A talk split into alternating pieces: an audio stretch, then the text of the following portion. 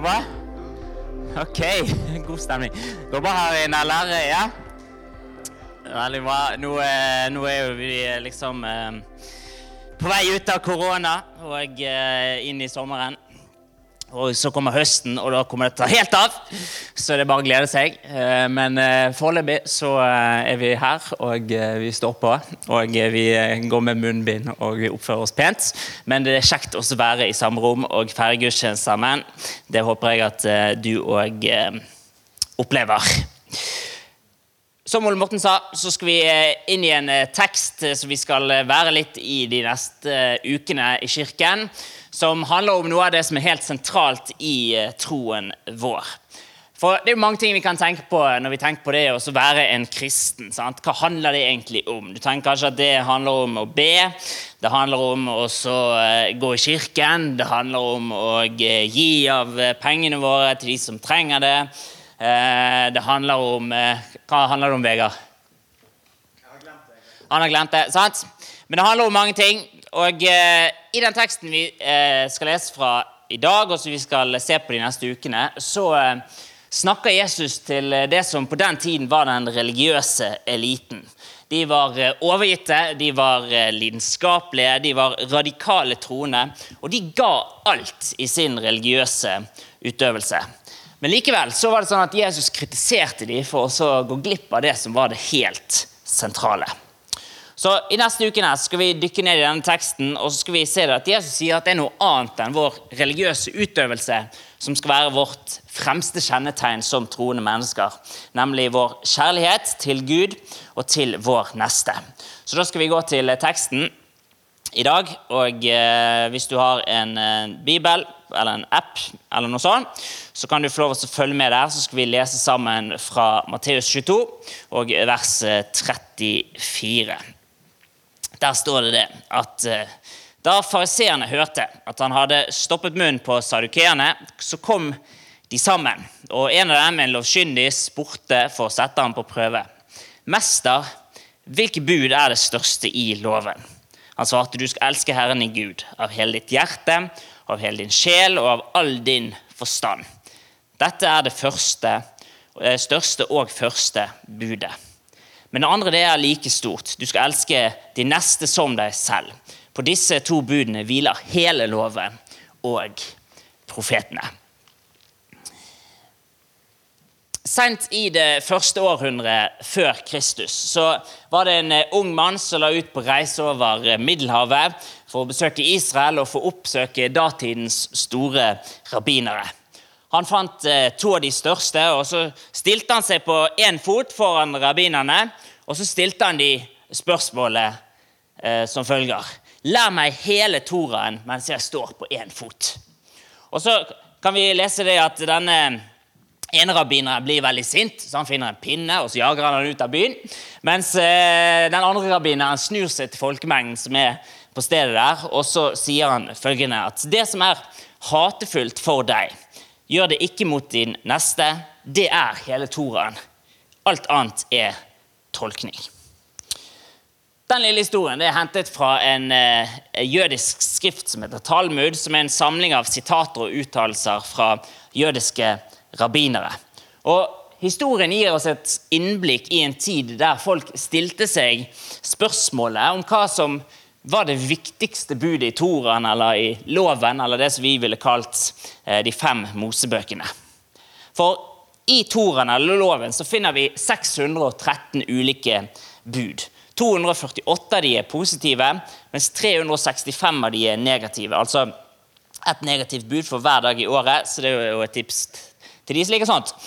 Men på toppen av disse 613 budene i Toren eller loven, så fantes det i den muntlige tradisjonen 1500 bud, som senere skulle bli samlet i den jødiske boken Mishna.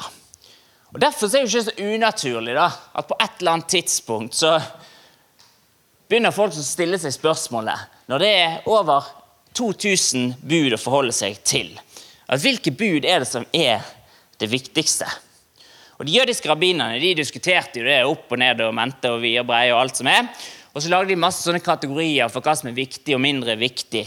Men det, det egentlige spørsmålet de stilte seg sjøl, var jo hva handler denne boken egentlig om?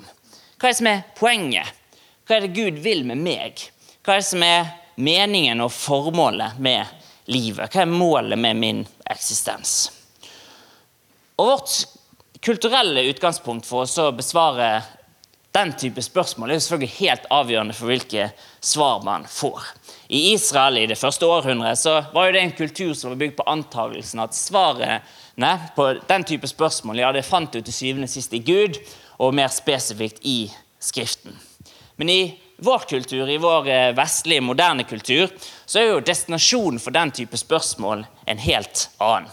Vår kultur er bygget på antagelsen at svaret på den type spørsmål ja, det finner vi dypest sett på innsiden av oss sjøl, eller på utsiden, enten i vitenskap eller politikk eller teknologi eller det som er din foretrekkende ideologi. Vi finner det i alle fall ikke i Gud, og i alle fall ikke i noen skrifter. Faktisk er antakelsen til vår kultur sånn at, at Gud og skriftene det er mer som, som hindrer på vei til det gode liv enn faktisk veien til det. Men så stiller vi oss sjøl like fullt det samme spørsmålet. Hva handler egentlig livet om?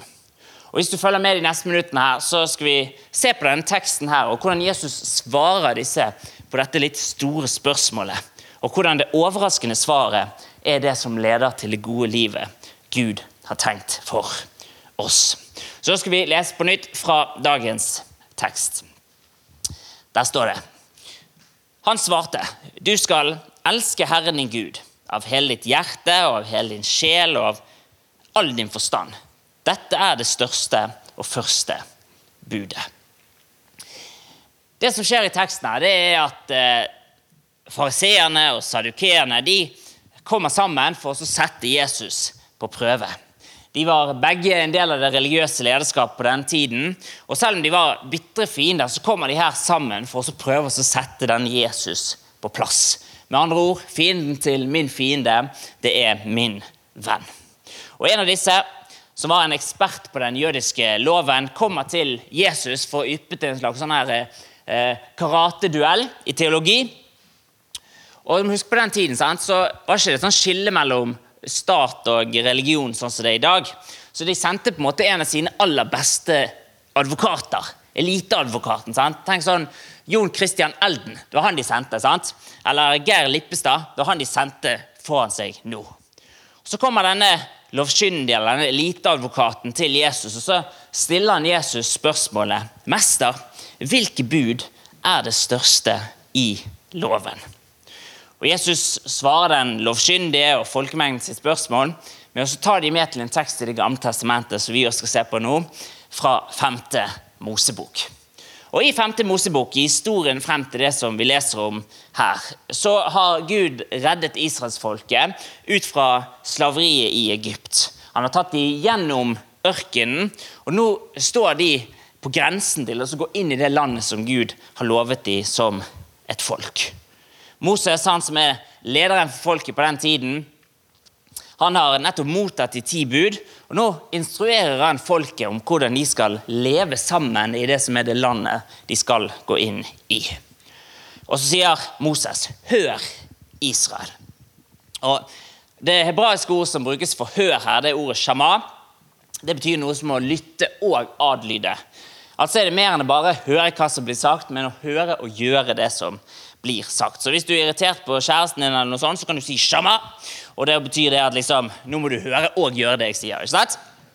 Så hør Israel. Og så sier Moses her at Herren er vår Gud. Herren er én.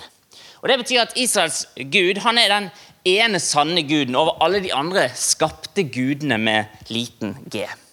For Menneskene på den tiden i Østen de var i stor grad politister. og Det betyr at de trodde ikke bare på én gud, men de hadde mange ulike guder for de ulike sfærene av livet.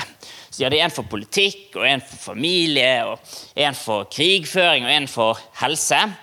Og Vi kan jo le av det og synes at det er litt rart, men sannheten er jo den at vi òg har veldig mange små guder med liten g, som både styrer retningene og målet for våre liv. Så når Moses sier her at Herren er én, altså er ikke det bare en beskrivelse av hvem Gud er, men at det finnes kun én Gud. Og han er herre over alle livets sfærer. Så fremfor å ha mange små guder med liten g, sånn som de hadde de andre i Østen, så sier Moses dette, at du skal elske Herren i Gud av hele ditt hjerte og av hele din sjel og av all din makt. Og Nå skal ikke jeg late som at eh, jeg kan hebraisk her, men jeg kan iallfall lytte til folk som kan det. Og eh, En jeg hørte på i forberedelsen, her, forklarte det at ordet som brukes for å elske Gud her, det betyr noe som å gi sin lojalitet til. Eller gi eh, sin troskap til Gud fremfor de andre skapte gudene. Så mer enn romantiske følelser, selv om det også er bygget inn i ordet, leste jeg, så handler ordet om at man skal kanalisere hjertets lengsler mot Gud. Fra en sånn plass at du har en dyp tillit til ham, fordi at du har erfart hvem han er, og at han er barmhjertig. Og Så forklarer Moses hvordan israelsfolket skal elske Gud. For det første så skal de elske Gud av hele sitt hjerte. Og På hebraisk så er hjertet brukt som en metafor for hvem er du egentlig er i ditt aller innerste. Det er summen av tankene dine, følelsene dine og det som er dine dypeste lengsler. Det er selve senteret som livet springer ut fra. Så vi kan lese i ordspråkene når det står at vi skal bevare hjertet fremfor alt. For det er livet det går ut fra det. Altså så sier Moses at Relasjonen med Gud det er ikke noe som starter i en sånn religiøs utøvelse her, men det er noe som kommer fra innsiden. Ved at man kalibrerer vårt dypeste indre til å elske Gud. Og For det andre så skal de elske Gud av hele sin sjel. Og Nå er det mange bibelforskere som mener at ordet sjel her er en dårlig oversettelse av hva som egentlig menes. Og Grunnen til det er at eh, iallfall eh, her i Vesten så er vår forståelse av hva sjelen er, mye mer preget av gresk filosofi enn det som er den jødiske forståelsen av sjelen. For Vi tenker jo at sjelen er noe sånn usynlig, litt sånn uhåndgripelig greie som en gang skal eh, dra til himmelen sant? når du dør. Men den jødiske forståelsen av sjelen det er så mye mer enn det. Sjelen er på en måte å referere til hele din person, til hele din livskraft. Der kroppen òg er en del av den livskraften. Altså har man ikke en sjel, men man er en sjel. På samme måte som man i den jødiske forståelsen ikke bare har en kropp, men man er en kropp. Moses sier altså at israelsfolket skal ikke bare gi Gud sitt hjerte, sitt indre vesen på et vis, men de skal gi Gud hele seg, sine kropper, hele sin livskraft. Det samme som Paulus skriver når han skriver til romerne, at eh, de skal bære kroppen frem som et levende og hellig offer til glede for Gud. Og Til slutt står det at de skal elske Gud av all sin makt. Og Nå handler ikke det om fysisk makt eller hvor mye du klarer å benke på treningssenteret. sant? Men på hebraisk er dette et adverb som betyr noe som at du skal elske Gud med hele din kapasitet. Altså sier Moses at Israelsfolket skal ikke bare elske Gud med sitt indre, de skal ikke bare elske Gud med sin kropp og sin livskraft, men de skal elske Gud med alt det de har. Med sine ressurser, med sin innflytelse, med sin rikdom, med sine privilegier, med sine relasjoner. Moses sier altså at de skal elske Gud som helhetlige mennesker. De skal ikke dele opp livet sitt i en sånn åndelig område der du liksom har den biten, og så er det alt det materialistiske som er en annen bit av troen din. Nei, du skal elske Gud med alt du er. Med ditt hjerte, med din sjel og med din makt. Og Det er med det som et referansepunkt at Jesus svarer denne eliteadvokaten sitt spørsmål. Og Dypest sett det spørsmålet som vi alle sammen stiller oss. Hva er egentlig meningen? Jo, vi skal elske Herren vår Gud av hele vårt hjerte og av hele vår sjel og av all vår makt. Og Nå er jeg fullt klar over det. Eh, å snakke om en sånn form for overgivelse i vår vestlige kontekst, hvor individets frihet er liksom det største idealet av de alle, ja, det er mildt sagt en utfordring. Jeg vet ikke med deg, men jeg tror at vi alle, uavhengig om vi tror masse eller lite, kjenner på en sånn indre motstand når vi hører et så altomfattende bud. Det var sånn, jeg våknet i dag, sant? Skulle være inne og preke hele dagen på tre gudstjenester. Jeg bare kjente inni meg bare sånn, Det er syv fjell her jeg heller kan gå på. sant? Men jeg øh, må overgi meg. sant? Men det er også instinkt i å si at det der blir jo bare helt feil. For vi er mye mer komfortable hadde jeg kommet til å holdt en preken om at du skal realisere deg sjøl, eller selvaktualisering, enn å snakke om det vi snakker om i dag, som er selvfornektelse og overgivelse. Og så tror jeg at vi kjenner på en sånn indre motstand i møte med den type overgivelse. For vi kan alle sammen kjenne at vi strekker jo ikke helt til. Det blir liksom for lang avstand mellom den type overgivelse og det som er realiteten i mitt liv. Sant? Bare jeg står her og prater til dere om dette, så surrer tanken min om alle områder av livet der jeg ikke strekker til sånn som jeg skulle ønske. Tidligere i Matteus kan vi lese om Jesus. Han eh, utfordrer disiplene sine på hvem er det de tror han egentlig er. Og Det er da en av disiplene, Simon Peter, han er bergenseren. Han snakker raskest og høyest, og han sier det her, disse velkjente ordene. At du er Messias, den levende Guds sønn. Men når Jesus etter hvert gjør klart for disiplene hva som er i ferd med å skje, og hva betydningen av det er, at han skal reise til Jerusalem, og der skal han bli tatt til fange, han skal bli pint, han skal bli slått i hjel, og på den tredje dagen så skal han reises opp. Ja, Da blir det litt for mye for Simon Peter. Og da sier han vet du hva Jesus, det der det må aldri skje med deg. Og Så blir han skikkelig irettesatt av Jesus. Jesus sier 'vik bak meg, Satan'. Tenk på det. Det er hyggelig. Velkommen til kurset og høre Guds stemme. Neida. Du har ikke tanke for det Gud vil, bare det mennesker vil. Og Så snur han seg til disippelen og så sier han dette her, at om noen vil følge etter meg, altså må han fornekte seg selv, ta sitt kors opp og følge meg. For den som vil berge sitt liv, skal miste det, men den som mister sitt liv for min skyld, skal finne det. Jeg tror at grunnen til at vi kjenner på så mye indre motstand i møte med Jesus sine altomgripende ord om overgivelse, er at vi har egentlig ikke forstått hva er det Jesus her egentlig inviterer til. For det at Jesus sitt formål det er ikke å gi deg nok et stort bud som du ikke klarer å holde. Det er faktisk ikke å frarøve deg din frihet, men det er å invitere deg til et liv i frihet. For vi tror jo at veien til det gode liv det er gjennom å realisere oss sjøl. Men Jesus han inviterer oss her til et helt utrolig underlig paradoks. At veien til livet, det er gjennom å miste det.